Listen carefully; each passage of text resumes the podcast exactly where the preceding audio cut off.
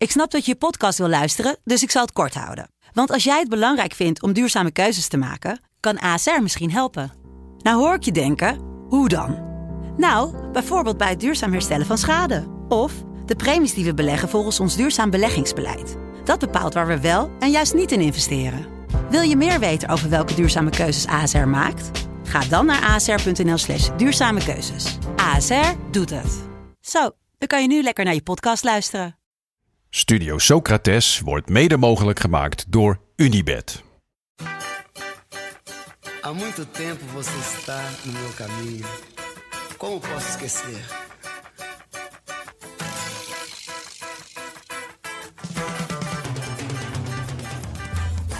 Welkom bij Studio Socrates, een podcast over alles wat voetbal mooi maakt. Met deze week de wereld van de transfers. A beleza é você, menina. Menina, no seu jeito de olhar. Sócrates, Sócrates, tirou! Gol! Sócrates! Lindo gol de Sócrates. Menina, no seu modo de andar. Jarenlang was de deadline day voor mij te vergelijken met de doomsday klok uit de Koude Oorlog. Hoe dichterbij die kwam, hoe angstiger je werd. Want één ding was zeker, Ajax ging twee uur voor het verstrijken van de deadline zijn beste speler verkopen. Zlatan, Sneijder, Eriksen, het maakte eigenlijk niet uit. Hoe groot je ook was, Ajax wist je op het allerlaatste moment voor een habbekrats te verkopen. En het mooie is dat ze er dan ook nog in slaagden om er een waardeloze paniekaankoop voor terug te halen. Gescout via YouTube, een zaakwaarnemer die nog wat op de plank had liggen, of gewoon de spits van Rode JC. Totdat er een technisch directeur met ballen kwam en er met kundig beleid een einde kwam aan deze last-minute sale. Alleen jammer dat hij die ballen vervolgens fotografeerde en naar vrouwelijke werknemers stuurde. Maar dat geheel terzijde. Tja. Ja, Moet dat geheel eh, terzijde. Ontkomen we niet aan hoor jongens. Nee, wat een klootzak, hè? Dickpics, leuk om te sturen, leuk om te krijgen? Of eh, ben ik dan de enige hier? Ja, jij zei dat eh, vorige, vorige aflevering heb je dat volgens mij gezegd. Nee, dat was de booty call. Oh, de booty call. Dat is toch dat net iets anders. Dat is heel wat anders, ja. En, is wel echt wat anders. maar dat, dat wederom valt en staat met of, het, ja, of hij welkom is. Ja, ja, ja, Ja, zo ongelooflijk dom. Maar ja, goed dat het gebeurt natuurlijk. Dan Ja. Dat die, ze ja. maar niet sturen. Oh ja, zeker. Ja, absoluut. Ja, wat een voel. Maar goed, jongens. Ja, hoe is het verder? Ja, nou... eh gaat druk, druk, druk, druk, druk, druk, druk. Ja, ik ga op vakantie. Dus eh, Blijf er lekker nog even in. Wat ga je doen? nou, ik ga over eh, vijf uurtjes een stap eh, op het vliegtuig... om eh, op de lange latten te gaan staan. Dus eigenlijk, dit is nu dinsdagavond. Als Ja. de luisteraar dit luistert, Dan- sta jij waarschijnlijk op een piste. Ja, de kans groot dat ik lig. Maar eh, ik ben niet de beste skier. Die, Pizza puntje? Of, eh? Nee, dat, dat, daar staan ik, mijn poten. Ik ben een soort eh, beetje Donald Duck. Dus mijn voeten staan heel erg naar buiten. Dus ik weet nog die eerste skiles. Toen moest ik een pizzapuntje doen. En dat deed zoveel pijn. ik kan gewoon niet zo mijn poten er binnen doen. Dus toen heb ik heel snel Eigenlijk parallel. maar beter ook dus. Ja, ja, Leer je nee. het tenminste goed. Ja, gewoon parallel skiën. Beetje. Nou ja, het was. En staat die piste ook op een industrie, in, industrietrein tussen de... de De hoogover. ja? Of, eh, eh, nee, we gaan naar Oostenrijk. Ah. Eh, dus ik ga er vanuit van niet. Maar ja, schitterende beelden hè, vanuit China. Ja, ik, ik, ja, je weet natuurlijk dat het allemaal niet zo netjes gaat daar. En dat het eh, helemaal niet sneeuwt. En dat lees je overal. Maar toen ik die foto's zag, toen dacht ik wel, wat gebeurt hier?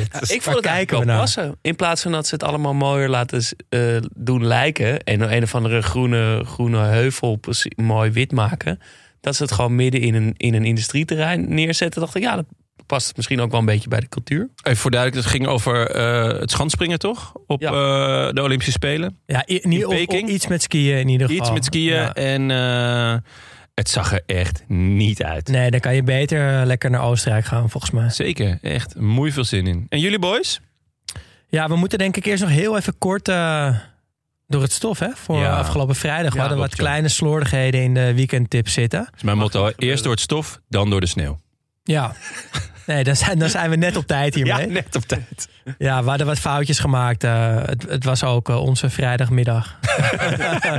en eh, we waren niet helemaal scherp. Nee, nee. En wat hebben we allemaal verkeerd gezegd? Dat de, dat de finale van de voedsel tussen Oekraïne en Rusland ging. Was de dat halve de halve finale? finale zijn. Ja, maar uiteindelijk, kijk, als Europa instort, wat natuurlijk heel reëel was na deze wedstrijd, dan was het ook wel de finale geweest. De grand finale. Dus we dekten ons zelf al een beetje in. Zeker, ja. We zeiden dat, uh, of uh, we haalden Mitrovic en Mitroglou door de war. Ja, Daan, jij schijnt dat al sinds voor de Tweede Wereldoorlog te doen. Nou, ik, eh, ja, er zit wel een verhaal achter. Ik speelde vroeger veel FIFA tegen Tim Wilfraat, eh, een van mijn beste vrienden. En ah, dat is de enige jongen die echt beter was dan ik. Dus dat was altijd heel frustrerend. Eh, in met FIFA. Ah, in oké. FIFA ja. Niet op het veld. Eh, Nee, nou, eh, toen waren we al nou, gelijkwaardig. Laten we het daarop houden.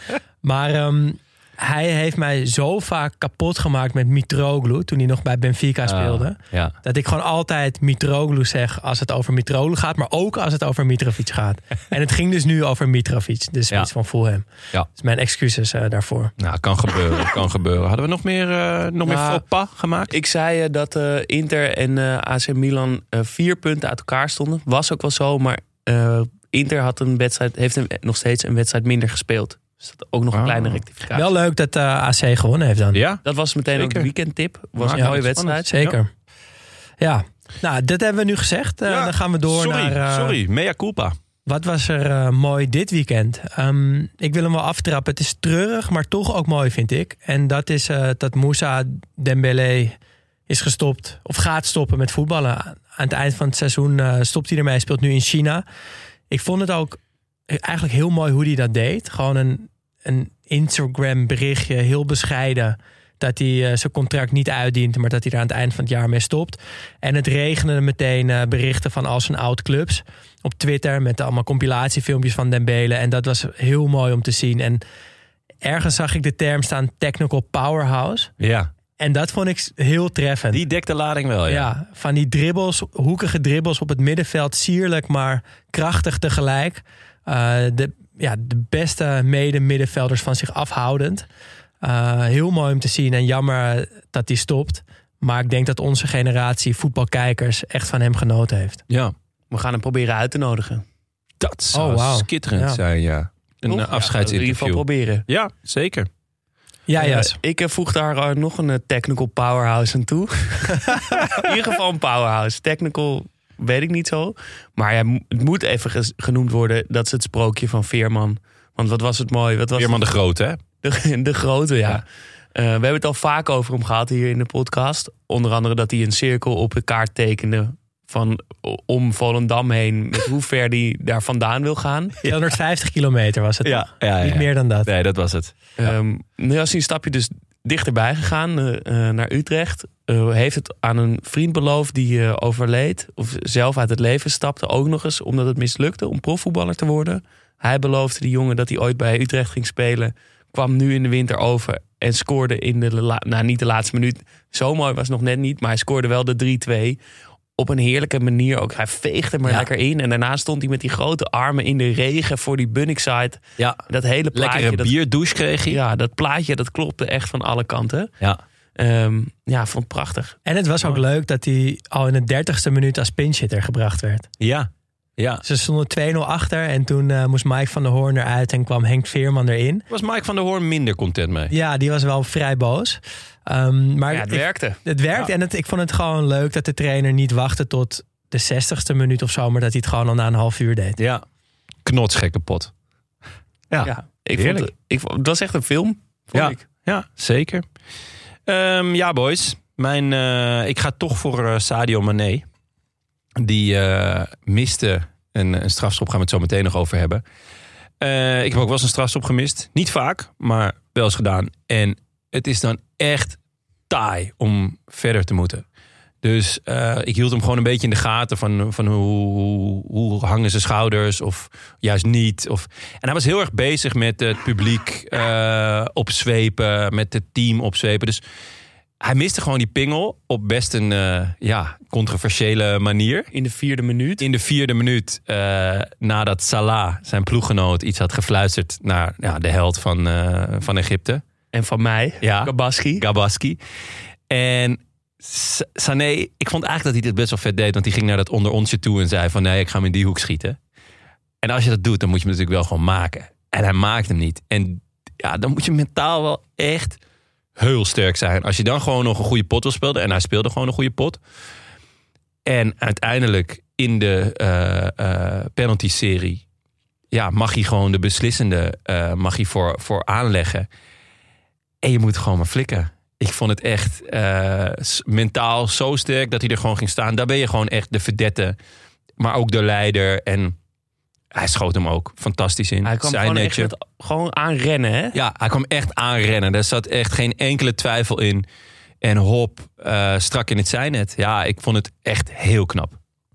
Dus eh, ja, een mooi bruggetje naar de Afrika Cup lijkt mij. Zeker, ja. Want, we Heb je nog gekeken, Jas? Ik heb gekeken, ja. Ondanks Met- wat ik vrijdag zei. Met gezonde tegenzin. Ja, hele gezonde tegenzin. Ehm, Ben je blij dat het erop zit? ja, eigenlijk wel. Want ik voelde me toch, toch een beetje verschuldigd om te kijken. Ja. Ehm, eh, en ik heb er ook echt wel van genoten. Er waren zeker wedstrijden tussen die echt te gek waren. Hoogtepunt nogmaals de Comoren. Ja. Ehm, ehm, maar het voetbal was niet om aan te zien. En de, dus die finale was ook een beetje symbool. Stond het voor de, hoe het hele toernooi was. Want het, het voetbal was slecht. Maar alle eigenaardigheden daaromheen maakten het toch wel weer de moeite waard. Ja. Ehm, ja, voor, ja, ik vond vooral inderdaad die ceremonie na afloop De ceremonie was aan echt... elkaar van rare, rare momenten. En dat moest ook wel natuurlijk na de openingsceremonie die we een maand geleden gezien hebben.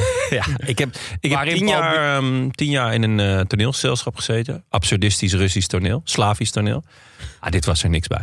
dit was er echt niks bij.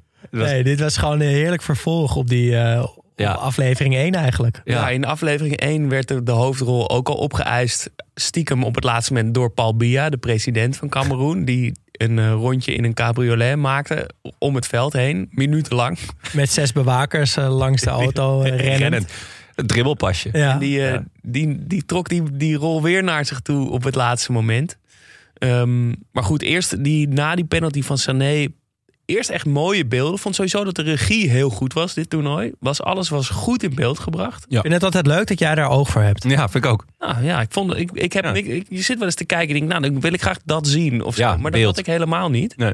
Ehm, misschien, ja, dat was ook het enige, denk ik, wat ik echt positief heb over die hele organisatie. Ik vond de scheids in de finale heel goed. vond de scheids ook, ik vond er sowieso de scheidsrechters redelijk goed. Ja, zeker. Ja, ja die ene, paar, ene eh, gekkie met die ja. zonnesteek was natuurlijk wel eh, een klassieker. Maar ehm, ja, ik vond Senegal, eh, die probeerde wel te voetballen. Die probeerde er nog wel wat van te maken. Het was niet veel soeps, maar Nee, ja, ik heb, nee, ik heb daarna andere wedstrijden gekeken en toen dacht ik opeens, oh ja, zo ziet een voetbalwedstrijd eruit in een gewone competitie. Ja. Tenminste, ja, gewoon. Ik, ik wil het dus niet denigerend over doen, maar nou ja, het als het voetbal was gewoon gewoon zo slecht. Dat Ja. moet je dan ook gewoon zeggen. Ja, het was gewoon echt, echt heel slecht voetbal. Ehm, maar goed, die penalty ging erin. En die beelden toen waren prachtig. Want iedereen was aan het huilen. Senegal, Senegalese spelers waren ontroostbaar. Echt dikke tranen over de wangen. Egypte Eerste was keer in de geschiedenis. ja, derde driemaal de streepsrecht ook voor de finale. Ehm, Egypte was ook niet meer te troosten. Ook heel erg huilen en eh, bij elkaar om de armen heen eh, vallen. Mané en Salah, die ook nog onderrondjes hadden, was prachtig. Ehm, Daar heb ik altijd een beetje moeite mee. Nou, Ik heb er dat geen het, zin eh, Dat het oprecht is bij Jawel, deze maar zou je daarop zitten te wachten? Je hebt, je hebt, je hebt die- finale verloren. eh, als, ik, zeg maar, het, de, de, de, de verhoudingen zijn zo scheef. Zeg Maar het is zo makkelijk om als winnaar dan even er naartoe te gaan. Tuurlijk, ik weet niet. Het, ik, het, ik heb vaak ook het gevoel dat het iets meer voor de camera is of zo. Of, of voor de. Ik, ik zeg niet dat het onoprecht is, maar het is zo scheef, weet je wel. Wat, wat, wat heeft het nou voor zin? Weet je, die, die Salah heeft gewoon die finale verloren. Ja, dan kan je, kan je hoog of laag springen. Maar ja, er gaat echt geen enkele woord van troost gaat helpen, toch? Nee, maar zij zitten dagelijks met elkaar in de kleedkamer. En ik, ja, misschien ben ik veel te naïef. Maar ik denk dan echt dat Mané zijn maatje wil troosten, eventjes. Ja, maar, Gewoon maar even je wat bent van toch niet te troosten horen. op dat moment? nee, Soms maar ja, is het toch dat- ook gewoon... dat is toch nog wel een mooi gebaar. Denk je niet dat als hij er over een jaar naar terugkijkt en hij ziet die beelden nog een keer terug van dat Mané hem komt troosten, dat, hij, dat je denkt, oh ja, dat was wel echt groot van hem. Ja, ja, groot. Ja, ik, het, het is ook wel heel makkelijk. Ik weet nog, het is misschien iets veel persoonlijke eh aan verjeringen, maar wij speelden ooit een kampioenswedstrijd. En daarvoor kwamen heel veel mensen kijken. En met vuurwerk en weet ik wat. En we verloren gelukkig hadden we de week na nog een herkansing die we uiteindelijk pakten. Maar zelfs mijn moeder was komen kijken. Voor het eerst in, nou ja, ik denk een jaar of twintig of zo dat ze weer eens langs de lijn stond. En ik was echt ontroostbaar. Gewoon, ik zat, al, ik zat een beetje voor me uit te kijken.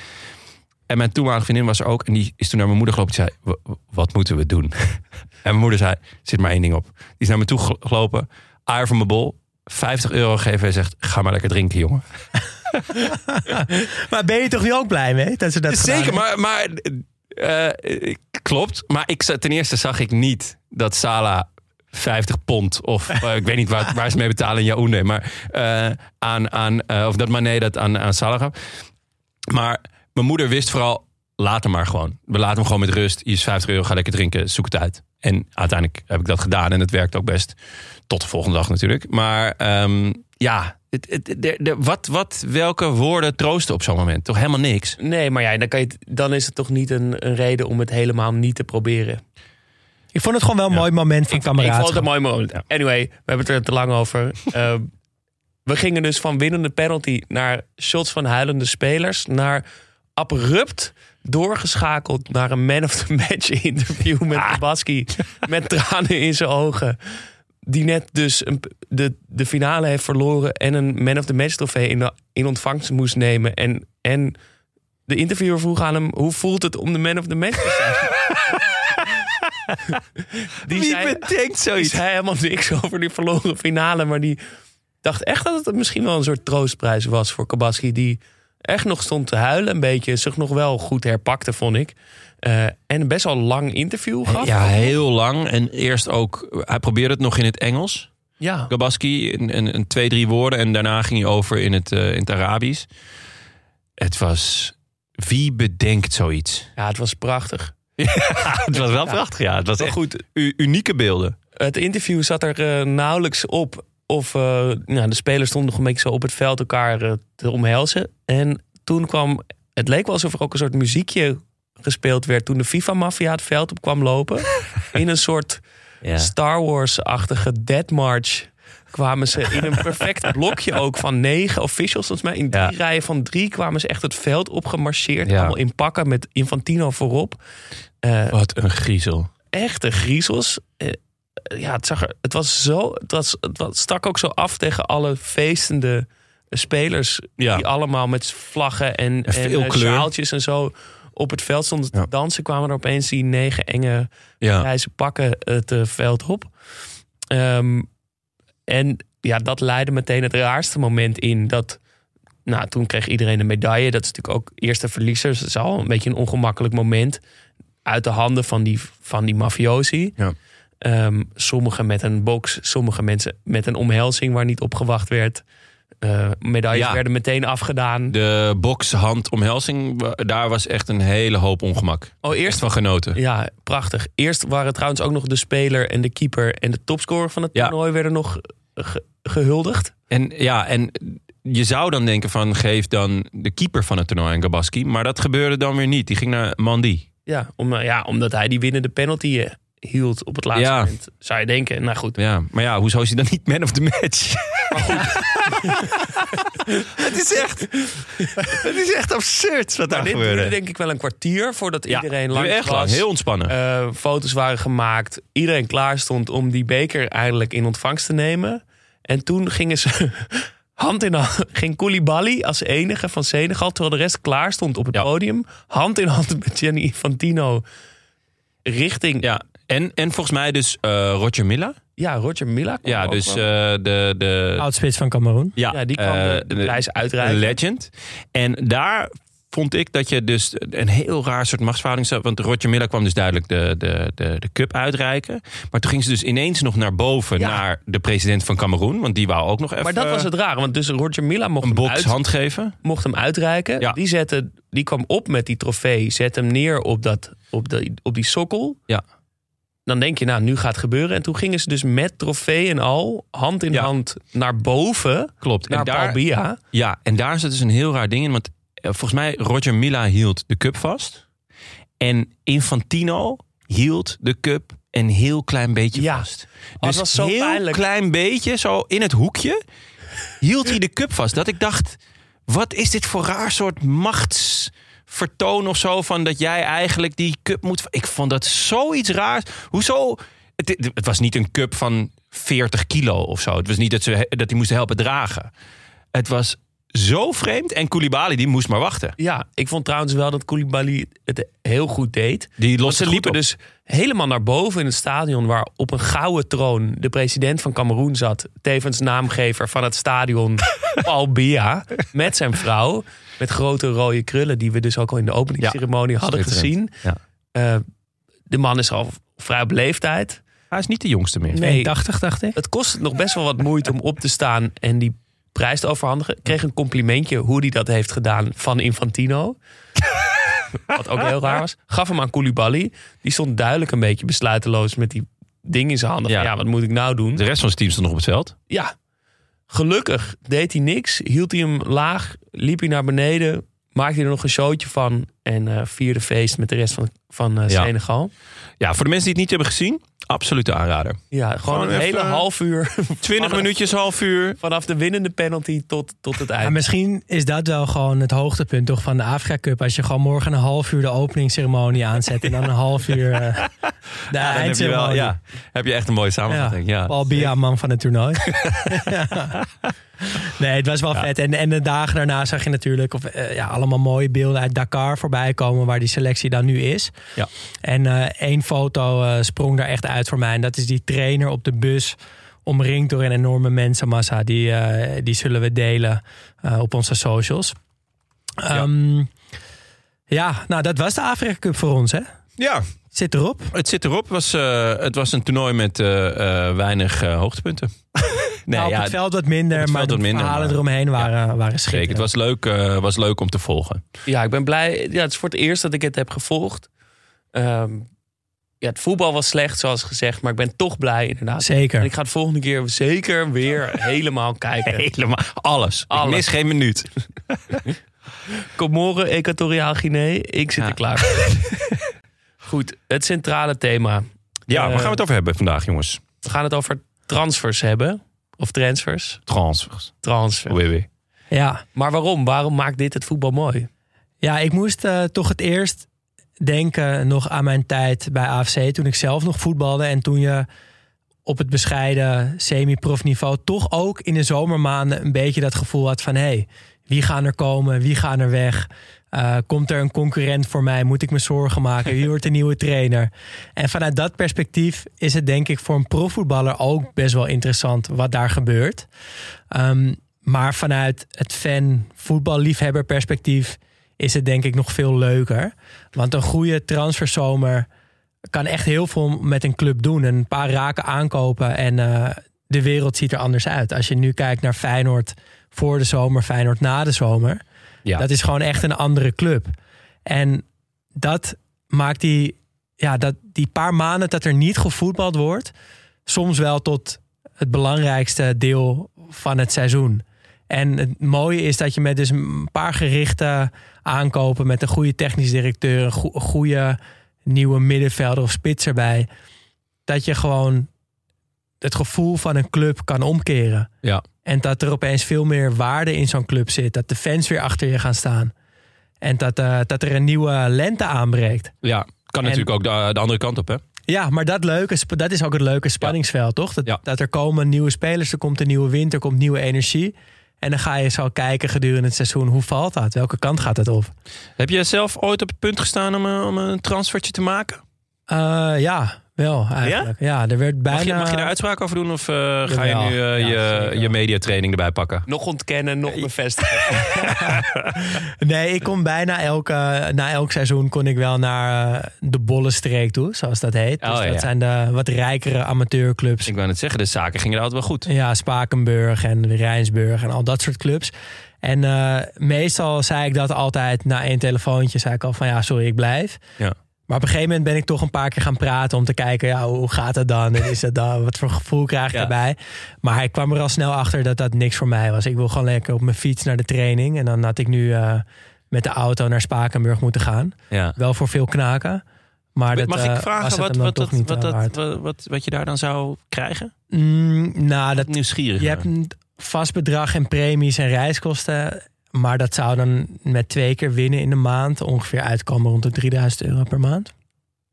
Dat is lekker. Ja, dus dat zijn best wel serieuze Ja. bedragen. En dan Ja. hoe vaak train je dan in de week? Drie keer. Ja, En een wedstrijd op zaterdag. dat is een prima bijbaan.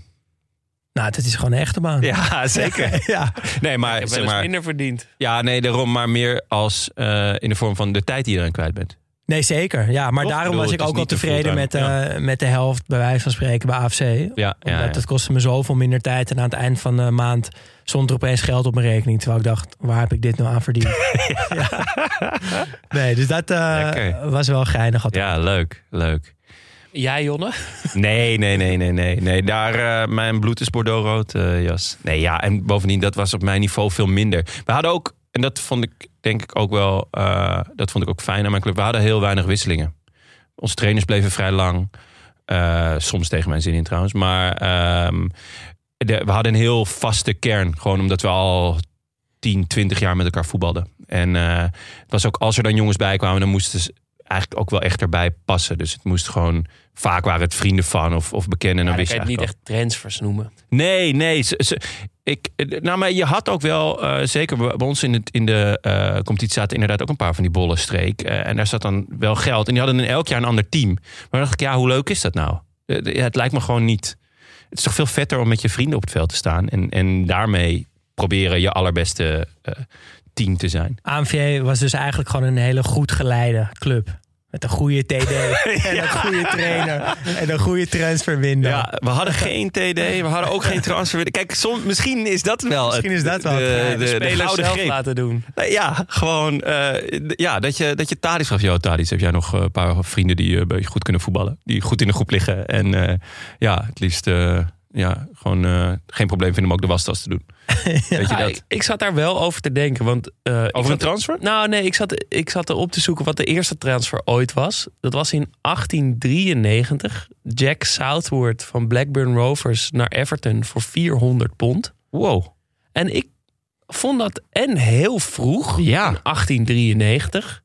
En ik vond het ook best wel veel geld. Ja, vind ik ook. Wat me dus deed denken dat, nou, dat het dus altijd al een groot onderdeel van voetbal is geweest, de transfers. Hoe dat kan. Hoe, waarom is dat, Dat zo het toen ook al zo professioneel was, joh. Ja, en, maar waarom is dat zo? Waarom zijn er zoveel transfers? Waarom wil elke club elk seizoen altijd allemaal nieuwe spelers? Ja, waarom wou jij op het pleintje altijd met de allerbeste in het team? Is Ja, het niet maar- gewoon dat er is, je wilt als mens misschien of als club weet ik veel hoe je dat dan, maar je wilt, je, het is altijd ergens beter, toch? Je wordt altijd Ja. een beetje ergens naartoe getrokken. Maar is het niet een soort onzekerheid? Nou, dat denk ik Ja. dus wel, ja, uiteindelijk. Toch, want Liverpool bijvoorbeeld nu heeft volgens mij heel weinig transfers. Heel, veel, Ja. heel weinig spelers gekocht. Omdat ze denken, ja, gewoon een heel goed team. Zeker, niemand ja. Verkopen, Ja, dan we- hoeven we ook niemand te kopen. We gaan het er straks ook nog wel over hebben. Maar er zijn bijvoorbeeld trainers, en daar heb ik altijd zo'n hekel aan, die altijd maar vragen om transfers. Die gewoon nooit tevreden zijn met wat ze hebben. Die zeggen dan wel, ja, we zijn wel, eh, ja, we zijn, eh, we zijn wel aan het kijken wat, wat er mogelijk is. Maar, en anders doe ik het met eh, wat we hebben. Ja, wat, wat, wat voor signaal geef je dan aan, aan, nou ja, aan je team? Van ja, eh, jullie zijn best oké. Totdat, er, eh, totdat ik een YouTube-filmpje zie van iemand anders die misschien nog iets best okéer is.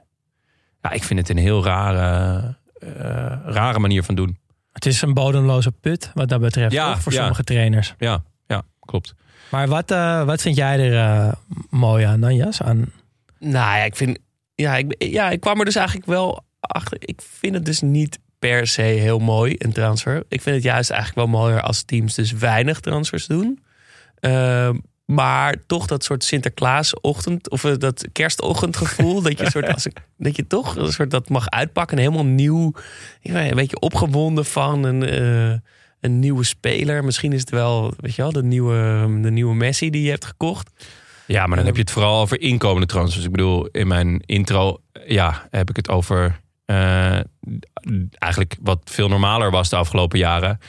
Ja, dat je gewoon wakker wordt op 1 januari met een beuker van een kater en denkt: eh, waar is mijn portemonnee? Waar is mijn, Ja. eh, waar is mijn telefoon?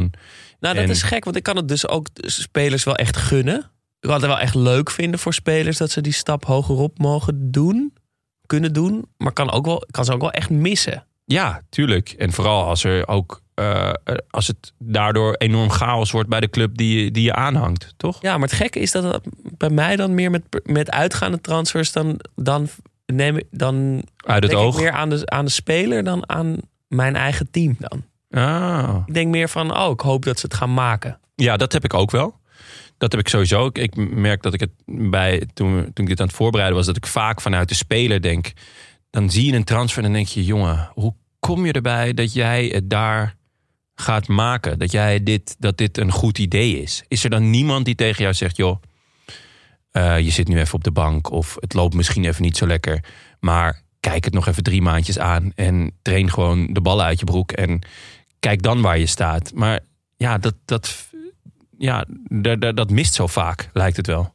Ja, er zit er gewoon een enorme vluchtigheid en, Ja. en, en drang om ergens beter, meer, vaker, weet je, Ja. meer geld, vaker spelen. Het wordt daardoor in mijn ogen ook een heel abstract gegeven. Van, ehm, nou ja, neem eh, Jorrit Hendricks. Die gaat dan, eh, die heeft een gezin. Volgens mij met kinderen ook.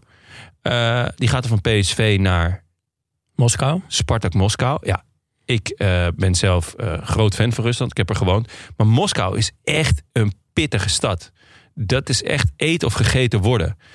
Ehm, daar neem je dan je gezin mee naartoe. Het is niet de, eh, ja, zeg maar, ze, ze gebruiken een ander alfabet daar. Dus je vrouw kan niet de straatnaambordjes lezen. Tuurlijk zal je in een soort compound terechtkomen. Maar dat is ook een, een ja, iets waar je. Dat is een extreme verandering ten opzichte van nou ja, het leven in Eindhoven. Daar zit je dan anderhalf jaar, gaat niet goed. En eh, nou ja, hij zei, ja, ik kon nu dus naar Amerika. Maar ja, dat wou ik mijn gezin niet aandoen. En dat vond ik heel terecht. Dus hij ging terug naar Nederland. Maar je hebt ook van die mensen die dan gewoon wel naar Amerika gaan. En dan wel nog naar... En je, wordt ook een soort... eh, eh, nou ja, wereldbewoner, oké. dat is voor jezelf niet zo'n probleem. Maar met een gezin lijkt me dat toch echt verschrikkelijk. Maar Emmanuel, hè, Emanuelson, die zei dit ook toch? Je bent dan totaal overgeleverd Ja. aan de grillen van die voetballerijen. Van je zwaakwaarnemer en van clubs. Ja. Je hebt er eigenlijk helemaal niks over te zeggen. Nee, ik vond het ook echt schokkend. Hij zei, na Ajax had ik gewoon keuze. Toen kon ik naar, ja, toen kwamen er clubs en dan kon ik ja of nee zeggen. En daarna kon je eigenlijk alleen maar ja of nee zeggen. Maar je wist totaal niet wat er anders zou gebeuren. Maar wat ik wel vond eh, in, eh, in zijn verhaal, dus van Oerbi, die moest binnen twee uur, binnen één training beslissen of hij naar Fulham zou gaan. Terwijl bij AC Milan kreeg je eigenlijk te horen van, nou, je, je, je, het komt wel, het komt wel. Je komt er wel weer in. En hij besloot toch om het te doen. Wat ja, toch ook weer een verhuizing is. Eh, Ik weet, denk dan niet dat zijn gezin meeging. Maar ja, dan zit je dus een half jaar zonder je gezin. Dat lijkt me ook wel heel... Ja, jullie hebben geen gezin, kijk. Nou, ik kan me er wel wat bij Ja. voorstellen. Nee, ja, dus... Het, het, het, is een heel abstract begrip van ja, oh ja, dan ga ik, ga ik wel daar naartoe, want dan kan ik daar lekker voetballen. Maar je hele leven is gewoon. Bedoel, ja, hoe makkelijk besluit je om even naar een ander land te verhuizen? Ja, nee, ja, helemaal mee eens. Ja. Helemaal mee eens. Goed. Ehm, wilde jij nog iets toevoegen aan het moois van de transfer, Jonne? Ehm, nou ja, daar gaan we het zo meteen nog over hebben. Maar eh, ik vind een transfer waar goed over nagedacht is. Zowel vanuit de kopende club als eh, de speler. En eigenlijk zelfs de vertrekkende club. Het allermooiste is als het mes aan alle kanten snijdt. En als dat zo is, en soms voel je dat, of zie je dat bij een, een, transfer zo uitpakken. En dan denk je van ja, dit is beleid. Dit is eh, goed gedaan, goed gezien. Er zit iemand met visie. Eh, de jongen heeft zelf er goed over nagedacht. En eh, de verkopende club ook. Ja, en dan, ja, dan, kan ik, dan kan ik er wel echt van genieten, ja. Mooi. Laten we beginnen bij een belangrijke onder, of ontwikkeling in de transfermarkt. Het Bosman-arrest. Ja, ja, daar ben ik even ingedoken. Het gaat dus niet om, eh, om John Bosman, maar eh, Jean-Marc Bosman. Een, een, een, een Belgische voetballer, of in ieder geval uit de Belgische eerste klasse. Hij speelde bij Club Luik. En in 1990 liep hij uit zijn contract. En hij wou graag naar het, de schitterende Dunkerk FC. FC Duinkerken. Ehm, maar Club Luik eiste een hoge transfersom, waardoor het niet doorging. Ehm, daarop klaagde Bosman de Belgische Voetbalbond aan, stellend dat de transferregels in strijd waren met het verdrag van Rome, namelijk eh, dat van vrij eh, werkverkeer. Ehm, vijf jaar later, pas, Dus in 1995 werd hij in het gelijk gesteld. Eh, wat een schok teweegbracht in heel voetballend Europa. Want vanaf toen kon een speler gratis vertrekken als hij uit zijn contract liep. Dat dat niet kon is, is eigenlijk heel raar. Hè? Als Ja. je daar nu over te- ah, Als je er nu aan terugdenkt. van je hebt geen contract meer. Het contract is gewoon afgelopen. Maar toch kon dus een, je, je, eigenlijk je vorige werknemer zeggen van nee, ik wil nog heel veel geld voor jou zien. Best raar. Dat wist ik al wel. Maar toen dook ik erin. En toen ehm, bleek dus dat hij de bond ook had aangeklaagd dat de nationaliteitsregels niet klopten met het verdrag van Rome. Ook wederom van vrij verkeer van werknemers. En hierdoor konden spelers in Europa, dus binnen Europa, overal aan de slag zonder beperkingen. Voorheen had je dus nog best vaak dat er bijvoorbeeld drie buitenlanders eh, eh, tegelijk in het veld mocht staan. Of je mocht er dan vijf onder contract hebben. Ehm, dat verdween ook vanaf. eh, en het ging ook per direct in. Dus vanaf 1995. Het was echt zo'n bom van wow, oké, wat gebeurt hier? Dus de beperking van het aantal buitenlandse EU-spelers verdween. En ehm, dat, het, gevolg daarvan was dat de machtspositie van spelers veel groter werd. Wat best goed was, denk ik. Want die machtsverhoudingen lagen eigenlijk best scheef. Ehm, hierdoor werden de contracten langer. Die werden afgesloten. En eh, tevens eh, steeg het aantal transfers enorm. Dat was, was eigenlijk ja, de, de, het Bosman-arrest in de notendop. Ja, en dat is dus heel belangrijk gebleken voor eh, het transfergeweld wat in de jaren daarna op gang kwam. En eh, ja, dan is het wel leuk om even te kijken naar welke voetballers staan nou in de lijst met duurste transfers ooit.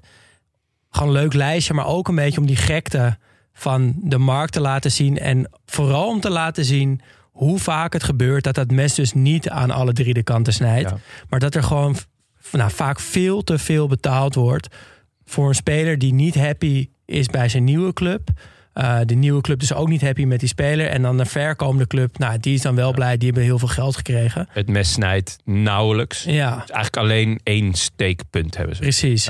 Ehm, nou, top 10 duurste Een voetballers. schroevendraaier in een steen. Ja, mes blijkt een schroevendraait. ja, maar echt. Ja.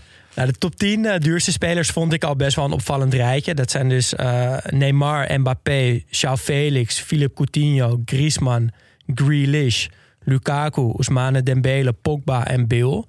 Nou, er staan toch een aantal spelers in die niet per se heel lekker draaien bij de club waar ze spelen. Nee. Ehm, maar als je dan nog iets verder naar onder kijkt, dan kom je... Eigenlijk bijna allemaal niet. Nee, bijna allemaal niet inderdaad. Zou Felix niet. Coutinho Zeker nou, niet. verhuurd weer. Griezmann, Griezmann. zeker niet. Niet. Grealish moet nog op gang komen. Lukaku heeft het aan de stok. Dembele is non-actief, gesteld. Pogba, Pogba, ja, ellende. blijft ook maar ellende. Bale. Bale is al bijna gestopt. Eigenlijk alleen Neymar en Mbappé. Ja, en dan En Neymar ook bij Neymar, Vlagen. ja, ja, dus eigenlijk alleen Mbappé. Ja. En dan ga je wat verder naar onder op die lijst. Op nummer 15, Harry Maguire, 87,1 miljoen. Maar half mens, half voorhoofd. Dat is waar. Dat, is, wel, waar. je koopt er wel heel veel voorhoofd voor. Nummer 21, Lucas Hernandez, 80 miljoen. 21, op nummer 21, Kepa, 80 miljoen. Nou, nummer 25 en nummer 26, Pepe en Morata, allebei voor 79 miljoen. En op nummer 59 dan nog bijvoorbeeld Fred voor 60 miljoen. Dus we konden, kunnen wel concluderen dat er heel, heel, heel vaak veel te veel geld voor een speler betaald wordt. En dat maakt dit thema dus ook wel heel interessant. Want hoe zorg je er nou voor dat je wegblijft van die gekte eh, en gewoon goed transferbeleid eh, ja, opzet en uitvoert? En ja, ik zat daar een beetje over na te denken. En het klinkt zo simpel als je dat op papier ziet staan. Volgens mij moet je gewoon zorgen voor een goede technisch directeur. Eh, een goede opleiding, zodat je spelers voor weinig geld die opleiding kan bieden en voor veel geld kan verkopen. Waardoor je wat, nou ja, wat, wat eh, geld opbouwt om zelf weer spelers te kopen. Eh, en ik denk dat het heel belangrijk is om een soort van DNA te hebben als club. zodat je weet wat voor type spelers je moet aankopen. En ik denk dat het daar heel vaak fout gaat. Maar waar dat bijvoorbeeld goed gaat, wat, wat, wat we net al even aanraakten. Liverpool, die hebben Michael Edwards als sporting director. En ik heb het idee dat zij altijd spelers halen waarbij je intuïtief al voelt, ja, die passen bij de club. Ja. En vaak ook nog iets onder het absolute topniveau. Dus de echte toppers kopen zij niet. Dus ze geven ook vaak niet echt die topbedragen uit. Behalve dan voor Virgil van Dijk. Maar die kwam dan wel nog voor een, eh, van een wat kleinere club. Maar spelers als Salah, Mané, Robertson, Shota... eh, en iets daaronder Minamino, Keita, Tsimikas, Luis Diaz nu van Porta, Porto. Wijnaldum, toch ook. Wijnaldum, die voelen voor mij allemaal echt als Liverpool. Ja. Dat klopt gewoon. En ja, wat is dat dan? Ik, ik weet niet precies. Ja, een beetje net onder de top. Dus grote potentie zit in die spelers. Heel fit, dynamisch, bewegelijk, gemotiveerd. Past goed bij de speelstijl van Liverpool. Ehm, maar datzelfde gevoel heb je ook een beetje met Dortmund. En die Michael Sork, die daar technisch directeur is. eh, kopen ook altijd heel goedkoop in. Spelers die echt bij de club eh, passen. Verkopen het door voor heel veel geld. Eh Luis Campos bij Lille doet dat heel goed. Denk aan Botman, Jonathan David, Osimhen, Yassici. En bij Monaco zat hij ook toen ze daar Martial, Berardo, Silva, Fabinho, Lemar, noem maar op. Allemaal van zijn, uit zijn koker komt dat. Ehm, dus het kan wel degelijk. En dan voelt het ook meteen alsof er wat bijzonders gebeurt. En dat heb je bij eh, Atalanta misschien nog wel het meest, vind ik. Giovanni Sartori. Ehm, sinds 2014 staat hij aan het roer als eh, technisch directeur bij Atalanta. En dat is wel een bijzonder verhaal. Want het is niet de eerste club waar hij eh, het kunstje flikt om met weinig geld en heel veel originaliteit eigenlijk een club op te bouwen, stabiel te maken en ja, ook wel de top aan te vallen. Ehm, hij deed dit ook in de jaren 2000 bij Chievo. Ehm, speelde in 2001 voor het eerst in de Serie A en werden gelijk vierde. Eén punt te weinig voor Champions League kwalificatie. En dat ging precies hetzelfde als het nu bij Atalanta gaat. Eh, de beste spelers werden verkocht na dat jaar naar Roma, Lazio, Juve, noem maar op. En Sartori bleef rustig en bouwde gewoon met, met kleine aankopen een nieuw team... wat vier jaar later weer goed genoeg was om in de eh, Serie A top 4, top 5 te spelen. Uh, en dat heeft hij tot 2014 volgehouden. In die tijd is Kiev al één keer gedegradeerd. Daarna meteen weer uh, omhoog geklommen. Hoefde zich nooit zorgen te maken om degradatie. Eindigde altijd netjes in het rechte rijtje. Uh, en het was gewoon altijd goed beleid. Jaar na jaar na jaar. Ja. Hij heeft trouwens ook ervoor gezorgd dat ze hun uh, bijnaam hebben gekregen. Oh. Chievo heet uh, de Musi Volanti. De vliegende ezels. en dat komt omdat Hellas Verona's fans, dus de, eigenlijk de grote club uit Verona, altijd zongen: als ezels gaan vliegen, dan krijgen we pas een derby. Zo van dat Chievo, dat, dat wordt nooit wat. Ja. Maar op een gegeven moment promoveerde uh, Chievo dus en dachten: nou, die vliegende ezels, die nemen wij als geuzennaam. We zijn er. Ja, vet. Ja, wat ik wel um, nog mis in, in wat, wat hebben we ervoor nodig. Dus een, een goede technisch directeur. Um, dat is best een, een, een breed takenpakket. Dus uh, zowel het aankopen, maar ook goed kunnen onderhandelen. Um, duidelijk een visie hebben over wat, wat voor club je zelf bent. Wat voor club je dus ook wil zijn. En wat voor spelers je dus uh, aantrekt. Um, daarnaast heb je natuurlijk ook gewoon een goede trainer nodig die daadwerkelijk uh, de spelers inpast en uh, beter maakt. Want ja. inderdaad, wat je zegt over Liverpool is waar. Uh, nou ja, Salah had een, in ieder geval een krasje. Mané kende nauwelijks mensen. Um, ja, je moet. Die zijn nu absoluut de top van de top. Die, dus je moet ze ook. Um, je moet ook iemand in dienst hebben die daadwerkelijk ze en laat spelen, maar ook nog eens heel veel beter laat spelen. Ja, maar dat is wat die Sartori van Atalanta ook zei als eigenlijk als belangrijkste eh, voorwaarde is dat gewoon de eigenaar, hoofdjeugdopleidingen, trainer, NTD, dat moeten gewoon competente mensen zijn die op ja. één lijn zitten met elkaar. Ja. Uh, en verder zei hij erover dat er, dat er geen geheim was. Over de scouting zegt hij bijvoorbeeld, ja, dat is net als paddenstoelen zoeken. If you wake up early and go to the forest, you will collect the best ones. It is very important to act quickly to identify talent immediately. dus gewoon hard werken. Als je iets goed ziet, pakken, niet te lang twijfelen. Ja. Geef het de kans in die veilige omgeving die je bij je club biedt. Uh, laat het uh, zich ontwikkelen en kijk wat er gebeurt. En dat heeft Atalanta. Vroeg opstaan dus ook. Dat ook, ja. Dat is voor jou niet zo lekker. Ik wou net zeggen, dit, ja. bij Atlanta kom ik niet aan de bak dan. Nee, nee. Nou, gelukkig hebben die uh, Sartori. Ja. En ja, die hebben het bij zoveel spelers zo gedaan. Bij De Roon, Goossens, Hatenboer, Ilicic, Zapata, Toloi, Kessie, Kastanje, Kulusevski, Papu Gomez. Ga zo maar door. Nou, ik moet zeggen, die, die Nederlandse jongens die jij noemt... dat ze, ik kijk natuurlijk best graag naar de Eredivisie. En dat zijn alle drie spelers die ik best vaak heb gezien. En ik heb eigenlijk nooit gedacht van, oh ja, dat, die, die moeten we hebben of zo. Dat, dat nee, maar dat echt- maakt het ook zo knap, vind Ja. ik. Dat Atalanta daar dus Want Hans Hatenboer- doorheen kijkt. Ja, En dat vind ik ook trouwens nog wel, wat, ik, wat me nog wel opviel aan die spelers van Atalanta, is het voelt bijna dat die eh, eh, situatie bij die club zo goed geregeld is, dat als die spelers daar weer weggaan, ja. dat ze bij die grotere clubs eigenlijk altijd minder goed uit de verf komen. Ja, dat, want dat, wat dat betreft is het natuurlijk wel een rare situatie. Want het is niet dat ze, ze verkopen ze, maar vervolgens stokt het wel een beetje. Bij die spelers wel, bij, de, bij Atalanta zelf niet. Nee, Die nee, nee, ja, klopt. weer nieuwe spelers terug bij wie precies hetzelfde dan Ja. weer gebeurt. Maar zelfs ook als we dan kijken naar, naar die Nederlandse jongens. eh, zelfs bij het Nederlands elftal lukt het gewoon totaal niet. Nee, maar ik denk ook dat ze helemaal niet zo heel goed zijn als ze uit die structuur van Atalanta worden gehaald. Ja, Maar wil dat iets zeggen over de structuur of over, ook over de scouting van de spelers?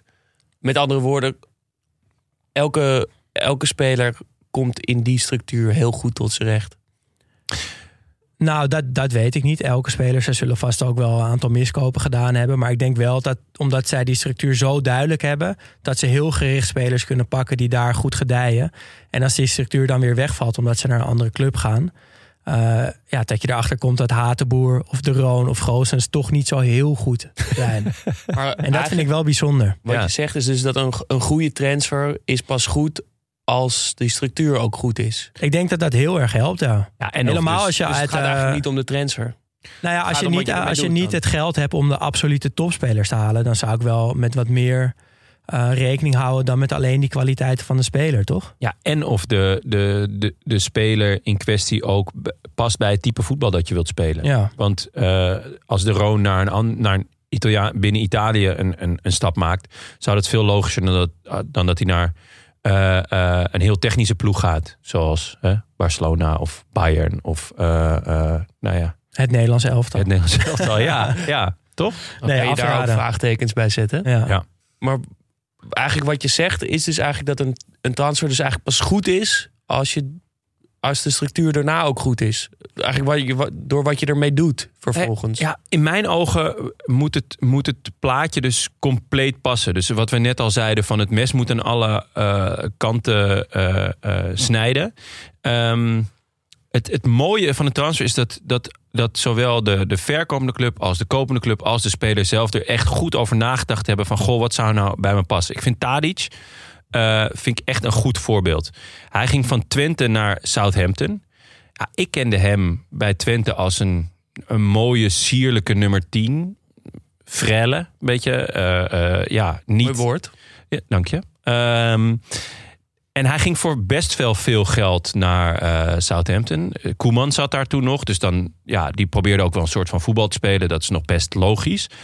Maar hij gaat wel naar een club in de Engelse middenmoot. Dan denk je, oké, ja, dat is gewoon wel eh, draven, rennen, schieten.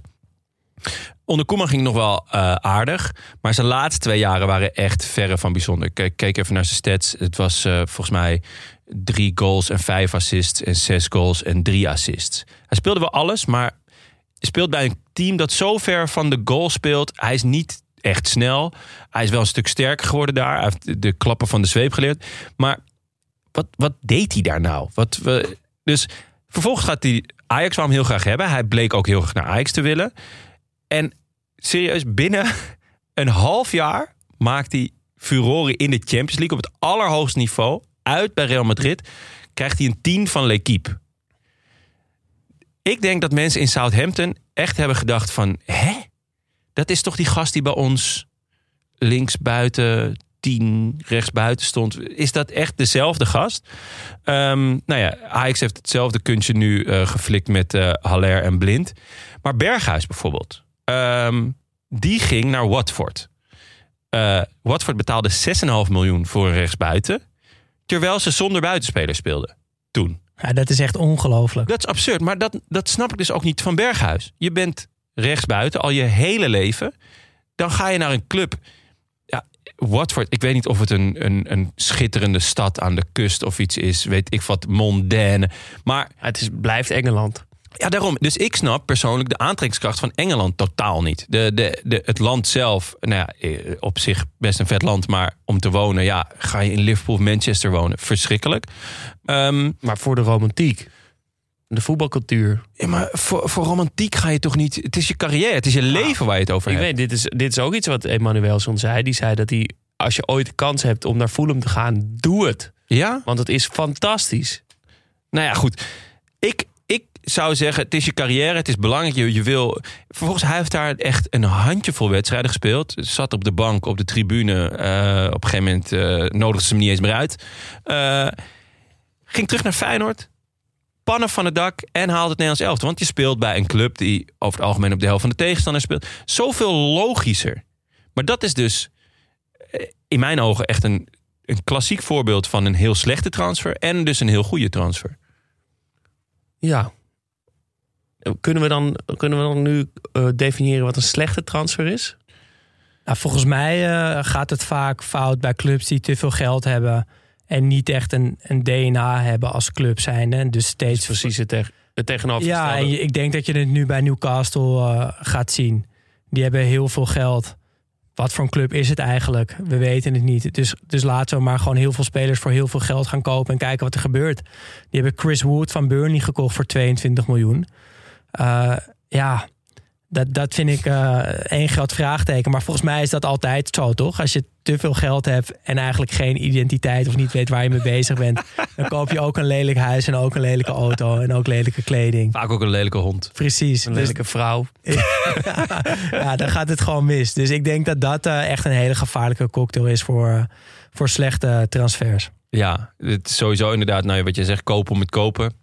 Eh scout op basis van videobeelden, dat is echt... eh, volgens mij heeft, heeft Ajax dat echt jarenlang gedaan. Maar ik hoorde ook laatst over Feyenoord dat die tot vorig jaar helemaal... Die hadden echt nauwelijks va- vast iemand die is voor de scouting. En, eh, en dus ook gewoon afgaan op zaakwaarnemers. Ik vind dit soort trainers ook het meest... Het echt het allerhatelijkste. Dus eh, Dick Advocaat en, en Martin Jol. Het ook tijd gewoon altijd meer spelers willen hebben. Vorig jaar kwam Prato naar Feyenoord, de beer. Niemand bij Feyenoord had hem ooit zien voetballen. Dat gewoon een zaakwaarnemer zegt, ja, ik, Nou, Corpot. Je had de videobeelden gezien. ja. En die zag dat het goed was. Ja. Had Kort waarschijnlijk ook nog wat anders staan, staan op zijn laptop. eh, waar hij op dat moment aan het kijken was. Man, man, man. Nou ja, goed. Ehm, en vanuit een speler gezien. Eh, ga je naar een club die verdedigend speelt terwijl je aanvaller bent. Nou ja, zoals Berghuis. Of een voetballende keeper die naar Italië gaat. Er is nog nooit een Nederlands keeper volgens mij geslaagd in Italië. Kan me er Eh, geen... Edwin van der Sar. Het Is, mislukt. is niet geslaagd in ieder geval. Stekelenburg niet. Onana, ah, ik ben benieuwd. Eh, of, eh, nou ja, nummer, frele nummer 10's die naar, die naar een, een, een kick-and-rush competitie gaan. Dat, ja, ik vind het zo ontzettend niet over nagedacht. Ja, ja, ik, ja absoluut. Tuurlijk, dat geldt natuurlijk voor een heleboel dat het, het over nadenken. Maar ik denk dat ik vooral slechte transfers vind, is die heel zonde zijn. Meer vanuit de speler bekeken, namelijk dat ze weggaan. Er zijn spelers die weggaan omdat ze het gevoel hebben dat ze ooit nog weg moeten. Wat vaak zo zonde is, omdat ze de potentie hebben om een legende te worden van die club, toch? Ja, Blijf daar gewoon en word de koning van de stad. Griezmann die naar Barça ging, is, is een Ja. voorbeeld waar dat heel stom was. Totti die bleef, is dan Ja. een voorbeeld dat het heel goed ging. Gewoon, is dat misschien wel de mooiste transfer? De transfer die nooit is Ja, ge- gemaakt. mooi gezegd. Ehm, en zeker Griezmann, dat hij ook nog een docu erover maakte. The Decision. Oh. Eh, en waarin hij in die docu zegt, ik blijf. En dan vervolgens toch weggaat. Überhaupt wat voor raar signaal het is om een hele documentaire te maken... dat je twijfelt wat dat voor een eh, signaal naar de fans toe is. dat is wel vet als je dat bij je vriendin doet. Maar eigenlijk dus nu een pleidooi van... ben je, ben je, ben je helemaal de man bij een club net onder de top... of ben je een subtopper of zo? Ja. Ben je de koning? Eh, ga niet weg, blijf gewoon. Word de legende. Voor, zorg dat ze over 100 jaar nog over je praten... en je, en je standbeeld kussen. Eh, ja, ver- vergeet die wat als. Blijf gewoon. Ja, Ehm, ja, Giggs, Scholes. ja, gewoon, ja, daar wil ik een lans voor breken. Dus ook eigenlijk tegen de, te- weer een beetje tegen de transfer eh, Ja. aan zich. Nou goed, laten we nog eh, kort even door alle soorten transfers heen lopen die we kunnen bedenken. Die zijn natuurlijk nooit volledig. Maar dit is al een heleboel verschillende soorten transfers die we hebben. Ja, we hebben er al een aantal genoemd.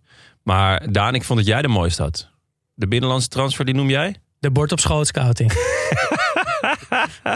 ja, Ja, nou, de, de speler... zondagavond, 7 uur. Ja, de Zit jij speler met je die, eh, aantekeningenboekie? Nou, ik niet, maar Martin van Geel dus wel. ja, die, die ziet een speler in de samenvatting een paar leuke dingen doen uit dezelfde competitie. Eh, en haalt hem vervolgens naar de club waar hij TD is. Hij heeft het bij Ajax gedaan, maar vooral bij Feyenoord heel veel gedaan. Eh Sint-Just, eh, Sam Larsson, Ayoub, Kion Fernandes, eh, Lex Immers, eh, Ruud Vormer, Wesley Verhoek, Basasi Koglu. Dat zijn er een paar die ik gewoon uit het blote hoofd eh, kon verzinnen. En ja, iedereen ziet dat ze best een leuk seizoen draaien, maar eigenlijk helemaal niet zo heel goed zijn. En eh, Martin van Geel, technisch directeur, het is je baan om de juiste spelers naar je club te halen. Die baseert zich dan blijkbaar ook gewoon lekker op eh, Studio Sport 7 uur. Dus Ja. dat, dat vind ik wel echt een, eh, ja, een, En een toch- raar soort scouting, een raar soort transfer. Ja, en toch, ik, ik, ik wil ook wel een lans ervoor breken. Want het zijn toch ook eh, de spelers die je zelf het meeste aan het, aan het, aan het werk ziet. Ik bedoel, als je gewoon de, de wedstrijden zelf kijkt, dus als je niet, niet alleen op, zeven, op zondagavond om 7 uur eh, inschakelt, maar ook gewoon daadwerkelijk een keer ja, naar een stadion gaat, wat ook niet zo heel gek is. Ehm, je zou zeggen dat je, eh, je hebt een competitie lang, heb je die jongens aan het werk kunnen zien, toch? Ja, maar dan kom je volgens mij niet uit bij Wesley Verhoek. Oké, daar heb jij wel een punt. Ja. Nee, ja, want er zijn natuurlijk ook succesverhalen. Toch? Jawel, die zijn er wel. Huntelaar, Suarez, eh, maar Robben van Nistelrooy, Van Bommel, Cocu, Kijk, Ja. uit Katwijk, Dirkie. Ja, maar Dus- dat zijn ook allemaal echt topspelers Ja, geworden. ja. En zoals eh, in die docu bij, van, van Gerard Vanenburg, topspelers eh, ontdek je niet. Die zijn er. ja. Ja, mooi. Dan Mooi. eh, de grote onbekende uit een ver land. Ja, dat is jouw lievelingsedaan. Ja, ik vind... eh, De tropische verrassing. Nou ja, gewoon, het brengt gewoon een bepaald soort spanning mee. En het is een beetje wat Jasper al zei, dat Sinterklaasgevoel of, of kerstochtend. Dat er v- van alles eh, klaar ligt om uitgepakt te worden en je weet nog niet precies wat het is. Maar je bent wel altijd heel hoopvol in ieder geval, Ja, toch? tuurlijk. Je denkt nooit van, nou, dit wordt helemaal niks. Nee, ook al heb je al tien, tien keer hetzelfde boek van je moeder gekregen voor kerst. Dan denk je toch die elfde keer, nu zit er wat in wat echt fantastisch wordt. En dat he- heb je met, volgens mij met, als voetbalfan bij jouw favoriete club ook. Bij elke transfer denk je, ja, dit gaat hem gewoon worden. En ja, vroeger wist je natuurlijk helemaal niet wie er kwam als iemand van ver kwam. En dan kon je geen YouTube-compilaties kijken of niet op Twitter eh, eh, de plaatselijke volger eh, vragen van... hé, hey, wie is dit nou? Dan was het gewoon echt kijken naar de eerste training. En, en ja, kan hij er wat van of niet? Maar daar heb je toch ook dat klassieke verhaal van, van Ronald de Boer. Ja, van Die, eh eh, Gabric. Van Gabric. Dat er na de eerste training eh, weddenschappen werden afgesloten. Of hij links of rechts was. Ja. ja, dat lijkt me toch heerlijk gewoon, ook als speler, toch? Van, w- wie is dit? Kan Wie hij is wat? dit? Ja. Ja, blijkt hij geen benig te zijn. ja. Dat is wel echt pech. En ook nog wel interessant dat sommige clubs dan een tijdje heel erg bedrijvig zijn in een bepaald deel van de wereld. Ajax natuurlijk lang in Denemarken. Ja. Eh, PSV eh, een tijd lang in Zuid-Amerika. Groningen zat opeens in Uruguay. Met Suarez en, eh, en, en Bruno Silva en, Ja. en nog een aantal spelers. Dus daar, daar zit ook nog wel iets van dat transfer DNA. Nou ja, zeker. terug. Zeker bijvoorbeeld een club als PSV, die in de jaren negentig eh, eerst Romario en later eh, Ronaldo haalde. En daardoor, ehm, ze hadden daar dus go- goed netwerk en de, de scouting was heel uitgebreid. En daar hebben ze dus eh, toen al heel veel profijt van gehad, maar ook later nog. Want, ehm, nou ja, eh, we hebben een special erover gemaakt over eh, het eh, PSV van, eh, van Alex en Gomez, Gomez, maar natuurlijk ook Farfan. Ehm, dat was een team met grote Nederlandse talenten. In combinatie met een paar goede aankopen uit een ver buitenland. Eh, en, en dat, dat is ook leuk om naar de volgende type transfer te gaan. Een, eh, een ervaren speler met, met het PSV-DNA. Dus Cocu. Die, eh, die de klappen van de, van de zweep kende. Die dus rechtstreeks terugkwam van Barcelona. Waar die gewoon eigenlijk ook nog alles speelde. En gewaardeerd was. En ging afbouwen bij PSV op een moment dat het nog, ja, dat het nog eh, ja, dat hij nog heel fit was en daadwerkelijk nog wat eh, op, op het veld toevoegde. En niet alleen in de kleedkamer. Ja, dus de Floriszoon die terugkomt. Ja, klopt. Maar volgens mij eh, is- hebben we ook nog één pareltje over Suarez naar Groningen. Moeten we daar nog even over hebben? Nou, daar kregen we een inzending van, van Cliff Mostert, een luisteraar. Die stond in dat hij Suarez naar Groningen, dat dat zijn lievelingstransfer was. En niet de meest memorabele, maar wel de meest noemenswaardige, zegt hij. Eh, het vriendinnetje van Suarez woonde destijds in Barça. Dus Suarez had wel oor om naar Europa te komen. Eh, technisch directeur van Groningen, Nijland, ging naar Uruguay om een andere speler te checken. Maar hij bleek in een soort weekamp uitverkoop terecht te komen voor Urugu- Uruguayaanse talenten. Ehm, ze waren eigenlijk gekomen voor een andere speler dus. En het prijskaartje van Luis was 4,2 miljoen. Terwijl ze een budget hadden van 1 miljoen. Eh Suarez heeft toen tegen Nijland gezegd... als je kampioen wilt worden, moet je mij nemen. Eh, terwijl hij naar Groningen ging en pas 19 jaar oud was. Eh Suarez had zich op zijn beurt wel verdiept in Groningen. Had op de Playstation gekeken welk voetbalshirt ze aan hadden. Welke cl- clubkleuren eh, Groningen had. Zodat hij eh, nou, een beetje sier kon maken bij Nijland. Nijland liet wel gewoon weten, 4,8 miljoen, dat wordt echt te veel. En is weer naar Europa vertrokken. Suarez bloedlink geworden en heeft geëist naar Europa te willen verkassen. En zijn zaakwaarnemer is toen naar Nederland gevlogen. En Groningen is alsnog eh, de nieuwe club van Suarez geworden voor 1,5 miljoen. Oh, dat hebben ze ook goed onderhandeld. Hebben ze goed onderhandeld. En eh, Goeie transfer, kunnen we zeggen. Ja, het vriendinnetje die in Barcelona toen woonde, eh, dat is nu zijn vrouw. ja. Mooi. En de scout van Groningen, Graz Voeler, die Suarez eh scoutte en die hem wilde hebben. Daar is het wat minder goed mee gegaan. Die eh, is nu scout bij eh, FC Emmen. Wat een contrast. Ja. Wat een contrast. Kan gebeuren. Maar dankjewel, Cliff. Goed verhaal.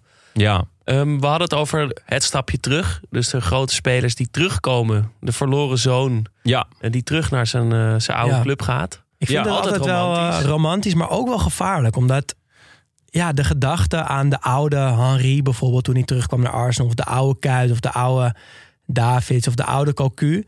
die leeft natuurlijk altijd nog bij de fans als zo'n speler terugkomt. En ja maar ja, kan... hij, hij is niet, waarschijnlijk niet meer zo goed als toen hij wegging. En hij is vaak niet meer zo goed als de jaren daarvoor. Uh, dus de jaren bij die grote club waar hij gespeeld heeft... voordat Ja. hij afdaalt naar de eredivisie. Ah, het- Um, dus ik vind het wel altijd een beetje een slippery slope... waar je op een gegeven moment... Klopt. Het, het, het gaat in mijn ogen enorm om timing. Ehm, bijvoorbeeld, eh nou ja, Rijkaard is eigenlijk het meest mooie voorbeeld. Maar die kwam ook rechtstreeks terug van AC Milan. Hetzelfde geldt voor Cocu, was ook buitengewoon succesvol. Ook omdat hij de, de toon zet binnen een selectie. Al die jonge jongens, die, ja, die trekken zich aan hem op. Die kijken hoe hij beweegt, hoe hij eet, eh, hoe hij een bal trapt. eh, hoe die, ja, wat het inhoudt om prof te zijn. Want hij komt net van Barcelona. Ik vond Kuit is uiteindelijk best wel succesvol geweest natuurlijk met het, eh, met het kampioenschap. Van Persie minder. Maar bijvoorbeeld die, hebben nog, die zijn toch nog twee, drie seizoenen hun zakken gaan vullen in Turkije. Wat ik echt zonde vind, want ze hadden allebei de kans om, om eerder terug te gaan naar Feyenoord. En de Ehm, grote man, de legende ja, worden. En, en, eh, en je standbeeld honderd jaar lang gekust te hebben. klopt. Want, en dat is echt eeuwig zonde, want de impact was, was eh, ook voor een club veel groter als je rechtstreeks van die topclub terugkomt naar je, naar je, je oude club. Omdat je dan ook nog in volle glorie eh, eh, terugkomt. Waardoor die, al die jonge gasten veel meer eh, tegen je opkijken. Maar het kan. Ehm, het kan echt een, een enorm succesverhaal worden. Ik vind, ja, ik, ik vind dit altijd wel een heel mooi transfer. Eentje die. Ik denk dan niet zozeer aan van, oh ja, zo was hij vroeger. Maar meer van, oh ja, nu heb ik de hoop dat hij een stukje van die topclub meeneemt naar eh, Ajax, Feyenoord, PSV. Ja, als En- dat lukt, is het een hele goede Ja, transfer. ik vond Cocu was echt. eh, nou ja, we hebben het vaak over Cocu gehad. Over hoe hij nooit een, eh, een onvoldoende speelde. Als je dat kan. Eh, als er iemand in je team is van wie je dat kan afkijken. Ja, dat is zo waardevol. Voor, eh, ja, voor vrijwel elke speler in je selectie. Die, die wordt daar gewoon beter van. Zeker, ja. Ehm, dat is niet helemaal hetzelfde trouwens als het, het stapje terug ehm, van. eh, want dat vind ik ook een mooie transfer. Dus spelers die bewust een stapje terug doen naar een ander soortige competitie. Of misschien een ander soort club. Dus nou ja, ik ben ah, dus absoluut geen fan van de transfer. Valhalla, wat Engeland altijd wordt genoemd. Eh, maar dan dus spelers die zeggen van nou ja, eh, ik heb in Engeland gespeeld, maar ja, het, het, het liep eigenlijk helemaal niet. Eh, ik ga terug of naar Nederland of juist naar een ander soortige competitie die veel meer bij mijn kwaliteiten past. Dus een, iemand die van een subtopper of een topper in Engeland naar, nou ja, wat hadden we laatst, Martial, die naar een subtopper in, in Spanje gaat. Ja, dan heb ik echt de hoop dat hij, ja, dat hij daar gaat vliegen. Dus niet terug naar je, naar je oude club, Nee. waar je groot bent geworden, maar terug of een stapje terug Ja, naar een nou ja, precies. Eigenlijk, ik vind, ik vind de, de, de, de voorbeelden van, van eh Tadic en, en, en Berghuis. Eh, de, e- de een ging terug naar Ajax, de ander ging terug naar Feyenoord. Ja, hoe het ontzettend kan werken ook om bijvoorbeeld gewoon bij een club te spelen die heel veel op de helft van de tegenstander speelt. Of die heel verzorgd en technisch voetbal speelt. Eh, of juist als je denkt van nou, ik ben nu naar een, eh, een, een club gegaan die, die verzorgd en technisch voetbal speelt, maar ik wil eigenlijk gewoon draven. Dat je dan hè, naar, naar de Duitse competitie gaat. Omdat daar, ja, het is toch gewoon veel meer lopen. En, dus ja, dus op die manier dat er veel meer nagedacht wordt over, over je volgende stap. Omdat ja, de, de transfer daarvoor gewoon hopeloos mislukt is. Dan de transfer die de tegenstander verzwakt. Dus dat je gewoon dat je niet per se voor je eigen team koopt. En dit Ja. denken we natuurlijk allemaal aan Bayern. Ja. Maar een, een transfer die je vooral de beste spelers van je, van je concurrenten wegkopen. Ja, ik vind dat echt de allersaaiste transfer die er is. Ja. Eh, behalve als er echt grote rivaliteit tussen de clubs zit. Dus eh weet je, Figo van Barcelona naar Real of, of Berghuis van Ja. Feyenoord naar Ajax. Dat vind ik best wel vet. Ja. Omdat het ook voor die speler eh, ja, iets groots is en heel veel lef en durf daarvoor nodig is. Dus dat vind ik altijd wel mooi. Gewoon nog een vet verhaal. Ja, maar hoe Bayern dat doet, dat vind ik helemaal niks. Het is eigenlijk ook een soort van bord op schoot scouting. Alleen dan gewoon met zoveel overmacht Ja. dat je het bij je concurrent kan doen. Ja. Dan hebben we hier ook staan talenten opkopen als strategie. Ja, daar, daar heb ik echt. d- dat kan natuurlijk twee kanten op. Ehm, Dus dat is gewoon met, met een hele grote schep gewoon alle, alle Ja. talenten die ook maar een beetje talentvol zijn, hop, allemaal opkopen, verhuren, ja, kijken of er eentje gaat bloeien. ik vind het eigenlijk over het algemeen walgelijk. Ik vind vooral Chelsea, daar erg ik me echt aan. Ehm, die, die, die spelers, volgens mij hebben we het al eerder over gehad, die bij Vitesse echt schitterende voetballers. Piazzon, Ja, dat Louis zijn- Baker. Louis Baker. Dat zijn echt spelers waarvoor je naar het stadion gaat, maar waarvan je ook hoopt van, oh ja, over drie jaar speel jij bij Bayern of bij Barcelona of bij gewoon een club die de bal heeft en de bal wil en waar je gewoon elke week zulke mooie dingen laat zien als je nu af en toe bij Vitesse laat zien, omdat je gewoon knettergoed bent. En ik had laatst opgezocht dat Piazzon, die had geloof ik in acht seizoenen had hij twaalf clubs of zo gehad. Ik, echt, ik werd er zo droevig van. Maak hem echt eh, kapot. Ja, Maar goed, Mason Mount is dan wel weer een positieve, ja, is de enige en dat nou, is ook die alleen komt uit maar. de jeugd van Chelsea. maar wel gestald. Ja, dat is wel. Ja, en de, eigenlijk de enige niet. kans, de reden dat hij een kans kreeg was omdat Chelsea die transferban had. Goed, Ja, nou, klopt. volgende. Het talent doet precies op tijd een stap hogerop. We Ja. hebben het natuurlijk al een beetje gehad over eh, te vroeg een stap hogerop. Maar er zijn ook talenten die een transfer maken precies op het juiste moment. Dat is schitterend. Ja, dat is mooi, want je ziet dan altijd zo gedurende een seizoen een speler naar een soort van vorm of niveau toegroeien. Dat je aan alles merkt dat hij er klaar voor is. En ik heb dat eh, het meest, denk ik, bij Vertongen gezien toen hij bij Ajax zat. Ja. Dat hij echt ja, elke week veruit de beste was. En hij moest echt weg, want anders was het gewoon niet leuk Ja. meer. Ja. En dat heb je soms bij, sp- bij spelers. En dat, ja, dan, dan heb je denk ik, Jas, wat jij eerder deze aflevering zei... dat je het de speler ook echt gunt. En dat je denkt, ja, vlieg maar uit. Alsof je eh, zoon het huis uitgaat of zo. Dat je echt trots bent. Ja, Ja, soms, ons, ja, ik weet niet wat dat is, maar dan spat het er gewoon af. Dit moet, toch? Breekt het er gewoon helemaal door die competitie heen. Ik, Ja. ik, had, ik moest meteen bij, aan Nigel de Jong denken. Die had ook zo'n seizoen dat opeens Ja. alles goud werd wat hij aanraakte en weg moest. Dries Mertens had het ook. Ja, zeker. Welke speler in de huidige Nederlandse competitie zouden jullie zeggen van nou? Ja, ik zeg zeggen, Iata of eh eh, Gakpo de meeste potentie heeft, maar nog niet dat niveau aantikt Nee. dat hij echt niet meer te houden is. Ja, denk nog- als hij nog één seizoen blijft, dat hij dat misschien wel. Ja, dat hij de absolute man is van de competitie. Ja. Vind ik wel een goeie, Gakpo. Gakpo. Eh, dan een grote speler naar een kleine club. Wat een mooie. We hebben natuurlijk over een klein stapje terug gehad. Maar je hebt ook transfers die uit het niets komen. Dat je opeens denkt: huh, speelt die daar? En ik denk dat dat het meest het geval was in 2006... toen Mascherano en Tevez naar West Ham gingen. Dat was echt heel weird. En nog steeds ook wordt gezien als een van de meest controversiële transfers ooit. Niemand, niemand begreep het. Mensen belden elkaar op. Zeiden, joh, Mar Mascherano en TVS komen naar West Ham. En werden uitgelachen. Ehm, het waren de twee meest talentvolle spelers... die zich net op het EK eh, of op het WK hebben, hadden laten zien. Met Argentinië. Eh, heel Europa wilden ze hebben. En West Ham kocht ze. En vervolgens zeiden ze... we doen er verder geen uitspraken over deze transfer. dus het is, je haalt de grootste klapper uit de geschiedenis... voor zo'n kleine club die net gepromoveerd was. Haalt deze twee wereldtoppers... en je zegt, maar we doen er verder geen uitspraken over. Bevestigen nog Ik ontkennen. kan die foto's ook echt nog goed herinneren. Met Alan Pardew in het Ja. midden. Ook een beetje verbaasd. want Die ook een week voor die transfer zelf zei... dat zijn allemaal geruchten, daar is niks van waar. En vervolgens dus een week later in de flitsende camera's keek... met het TVS en Mascherano eh, naast hem. En een Pardew vorig jaar nog bij ADO, toch? Mm, Ja, dat schijnt. Ehm, maar uiteindelijk transfer. bleek het dus ook wel... want er was een investeringsfonds wat en West Ham opkocht... maar ook een, ehm, een belang in eh, Mascherano en TVS had. En dus zo het makkelijk bij, voor, voor elkaar kreeg... dat die transfer eh, van de grond eh, kwam. Ze kregen daar uiteindelijk ook nog wel een hele grote boete voor. Iets van in die tijd 5 miljoen was nog best wel veel. Ehm, en geen punten aftrek. Waar eigenlijk de hele concurrentie natuurlijk op hoopte. Daardoor bleven ze door een laatste overwinning op Old Trafford nog in de Premier League.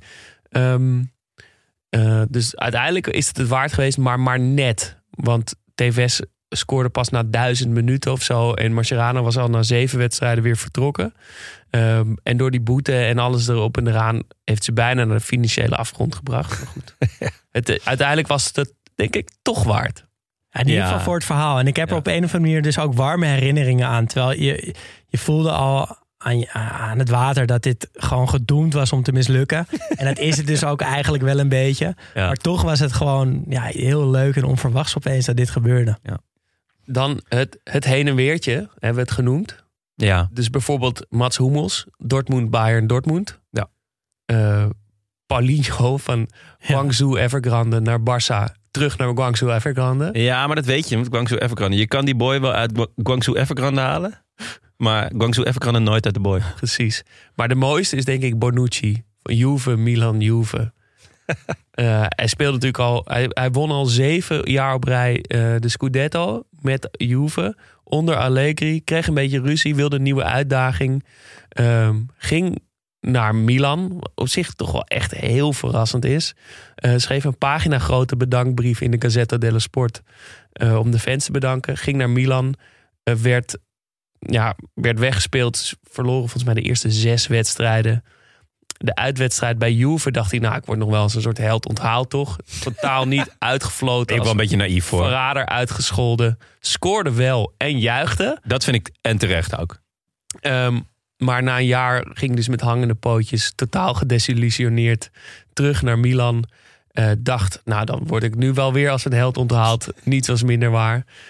Weer eh, ruzie en eh, bespuugd en uitgescholden. Hij denkt gewoon dat, dat hij overal waar hij komt als een held wordt onthaald.